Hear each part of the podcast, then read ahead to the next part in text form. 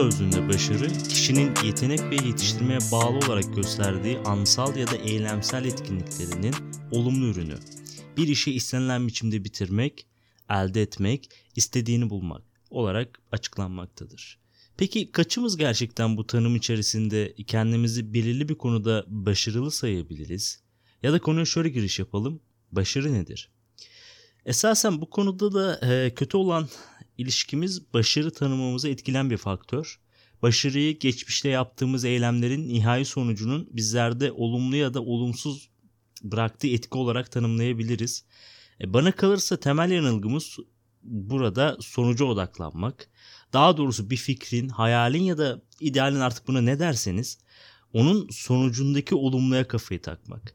Burada gözden kaçırdığımız nokta da bu ideale ulaşma sürecinde birçok bozucu girdiyle yüz yüze geleceğimiz ve bu bozucu girdilerin bizi bu idealden uzaklaştıracak olmasıdır. Önceki bunu kabul etmeliyiz. Efendim bence altını çize hoş geldiniz. Bu bölümde başarı ve başarısızlık üzerine potansiyel altını çizebileceğimiz fikirler üzerinden sohbet etmeye çalışacağız. Bu bölümdeki amacımız bugüne kadar bildiğimiz veya varsaydığımız başarı ve başarısızlık tanımlarının sınırlarının dışına çıkmak ve kendimize bu konularda farklı perspektifler sunmak. Hepinize iyi dinlemeler dilerim.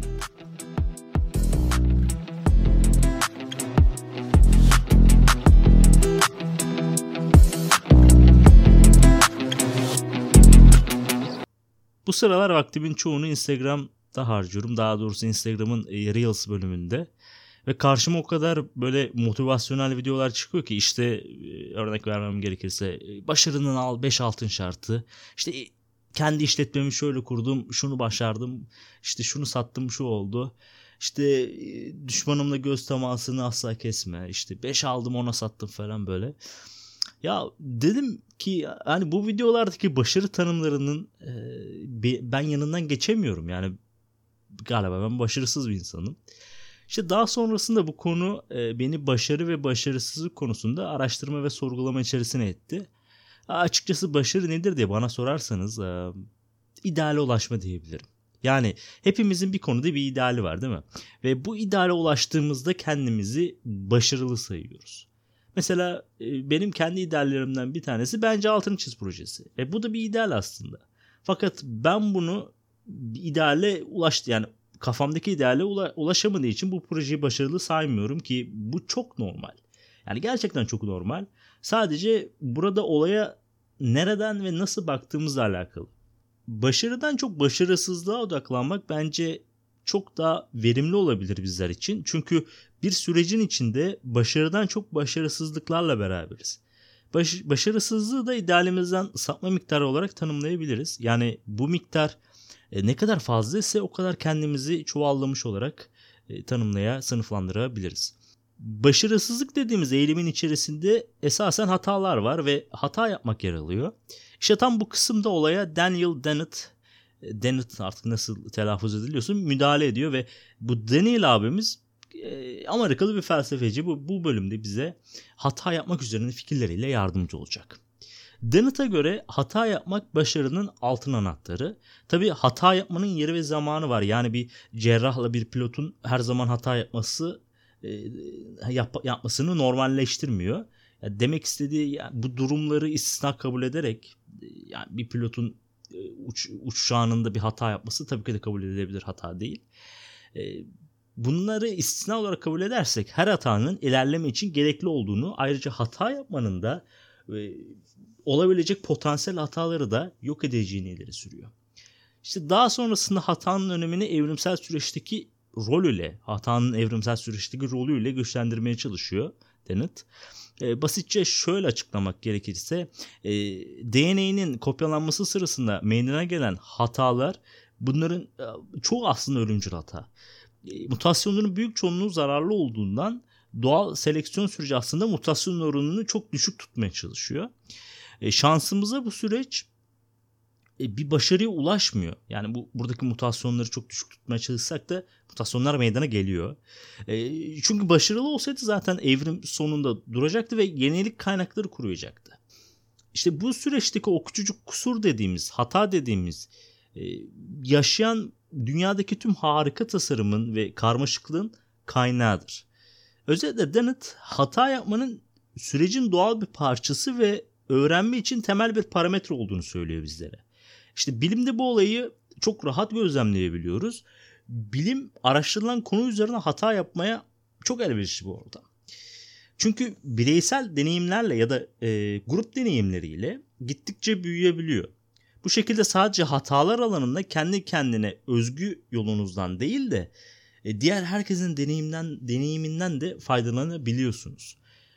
İşte bu arada bizi diğer türlerden çok daha akıllı yapan da budur. E, beynimizin daha büyük veya daha güçlü olması çok fazla bizi ileri atmıyor. Bireysel beyinlerimizin bireysel deneme yanılma geçmişleriyle kazandığı faydaları biz paylaşabiliyoruz diyor Daniel Dennett. Şimdi bunca ıvır zıvır bir bırakırsak kenara ben hepimizin hata konusunda benzer düşüncelere sahip olduğunu düşünüyorum bu süreçte kendimi düşündüğümde gerçekten en fazla hata yaptığım e, projeleri hatırlıyorum. Ve öğrenme çıktımın daha fazla olduğunu hatırlıyorum bu projelerde. Ve gerçekten hani kendimin öğrenme konusunda en verim aldığım projelerden de bunlar. Peki hata yapmanın önemli olduğunu bildiğimiz halde neden bu konuda daha dikkatli olmuyoruz? Çünkü toplumda hata yapmak karın doyurmuyor en basitinden. Bizden hep e, projenin ya da yaptığımız eylemin çıktısında olumlu olan şeyler istendiği için e, çıktıda olumlu olan olumlu olmayan e, ya da başarısız olanları göz ardı ediyoruz. Yani biz direkt çıktıda olumlu olan ya da başarılı olan şeylere şartlanmışız. Ben bu sorunun sürece odaklı olmaktan ziyade sonuca odaklı çalışmamızdan kaynaklı buluyorum. Hata ve başarısızlıklar ideale ulaşma süreci içerisinde yapılıyor. Yani süreç içerisinde. E, zaten deneyimden deneyim dediğimiz şey de esasen bunların toplamı oluyor. Fakat biz her zaman çıktıya ve bize getirisine odaklandığımız için bu sürecin içerisindeki başarısızlıklar ve hatalara odaklanmamış, atlamış oluyoruz.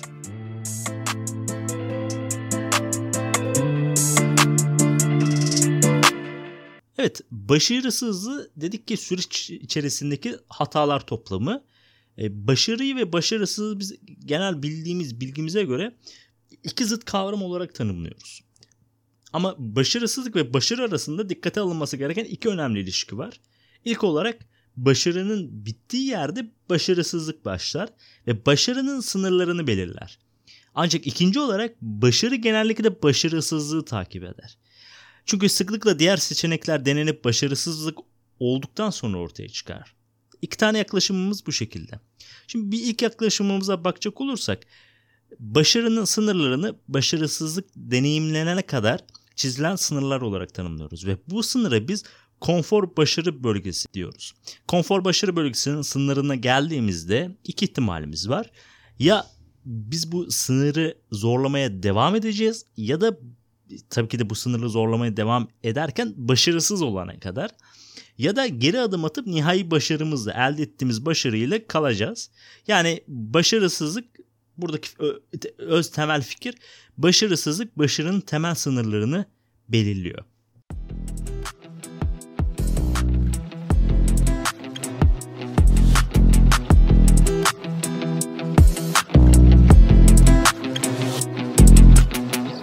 İkinci yaklaşım ise başarısızlık alanında yani failure zone dediğimiz başarısızlık bu alanda başarısızlık yapmaya devam ettiğimiz sürece sürecin sonunda nihayet başarısızlığı bırakıp başarılı olacağımız fikri. Yani bu da başarının başarısızlığın dibinden ayrılmadığını, sınırlarını takip ettiğini söylüyor bizlere. Açıkçası ben ikinci yaklaşımı hayatımda e, çok daha fazla gördüğümü düşünüyorum ve bu yaklaşımın uygulanabilirliğinin çok daha kolay ve verimli olduğunu düşünüyorum. Başarısızlığı tetikleyen hatalar demiştik. E, Daniel Dennett'ten bahsettik bu konuda ve hata yaptık, yaptıkça daha fazla deneyim elde edeceğiz dedik. İşte başarı da başarısızlığın sınırlarını takip ettiği için elbet onu bir gün yakalayacağız. Fakat burada bir handikap var o da babacım biz bunu ne zaman yakalayacağız? Hadi dedik ki zaman bizim için bir sıkıntı değil. İkinci konu bu başarısızlıkların başarıyı getireceğinin bir garantisi var mı? Yani e, ömrümüz bunu yetecek mi mesela atıyorum. İşte bu konuda yeteneklerimiz veya bizim kontrol edemediğimiz faktörler e, bizi bu sınırın dışarısına çıkarmaya engel olabilir. Yani biz ömrümüz boyunca o başarının geleceğini hayal ederek e, hatalar yapmaya devam edebiliriz ama e, orada o faktörlerde kontrol edemediğimiz parametreler olabilir. E, bence bu yaklaşımın handikapı bu. Ayrıca ikinci yaklaşım farklı başarılara bizi götürebilir. Yani burada idealden sapmış oluyoruz ama e, tabii yani ideale ulaşamadığımız için başarısız sayabiliriz kendimizi ama farklı alanlarda da farklı yeni alanlar keşfettiğimiz için başarılı da sayabiliriz. Yani burada aslında bu yaklaşımın getirisi ve götürüsü bu şekilde.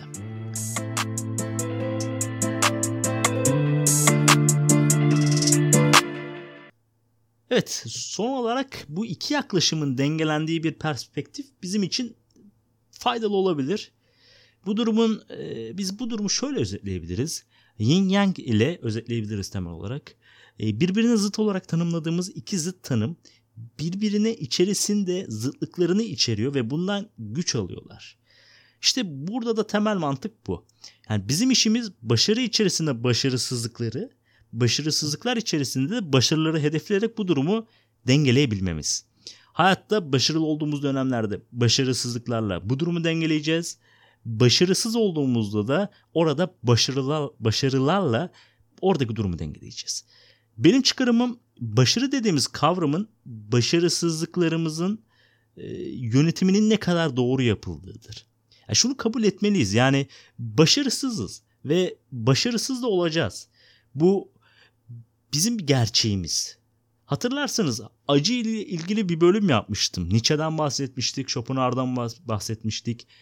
Acı da bir hayatın gerçeği. Başarısızlık da hayatın bir gerçeği ve acıyla çok fazla ilişkili. Çünkü başarısız olmak toplumda yaratacağı etki yani bizim üzerimizde yansıtacağı topluma ve toplumdan gelecek etki bize acı verecektir. Bunu kabul etmeliyiz. Dolayısıyla hayatta başarısızlıklarımız olacak. Fakat bunlara rağmen bizim idealimize ne kadar ulaştığımız bizim başarımızı belirleyen bir faktör.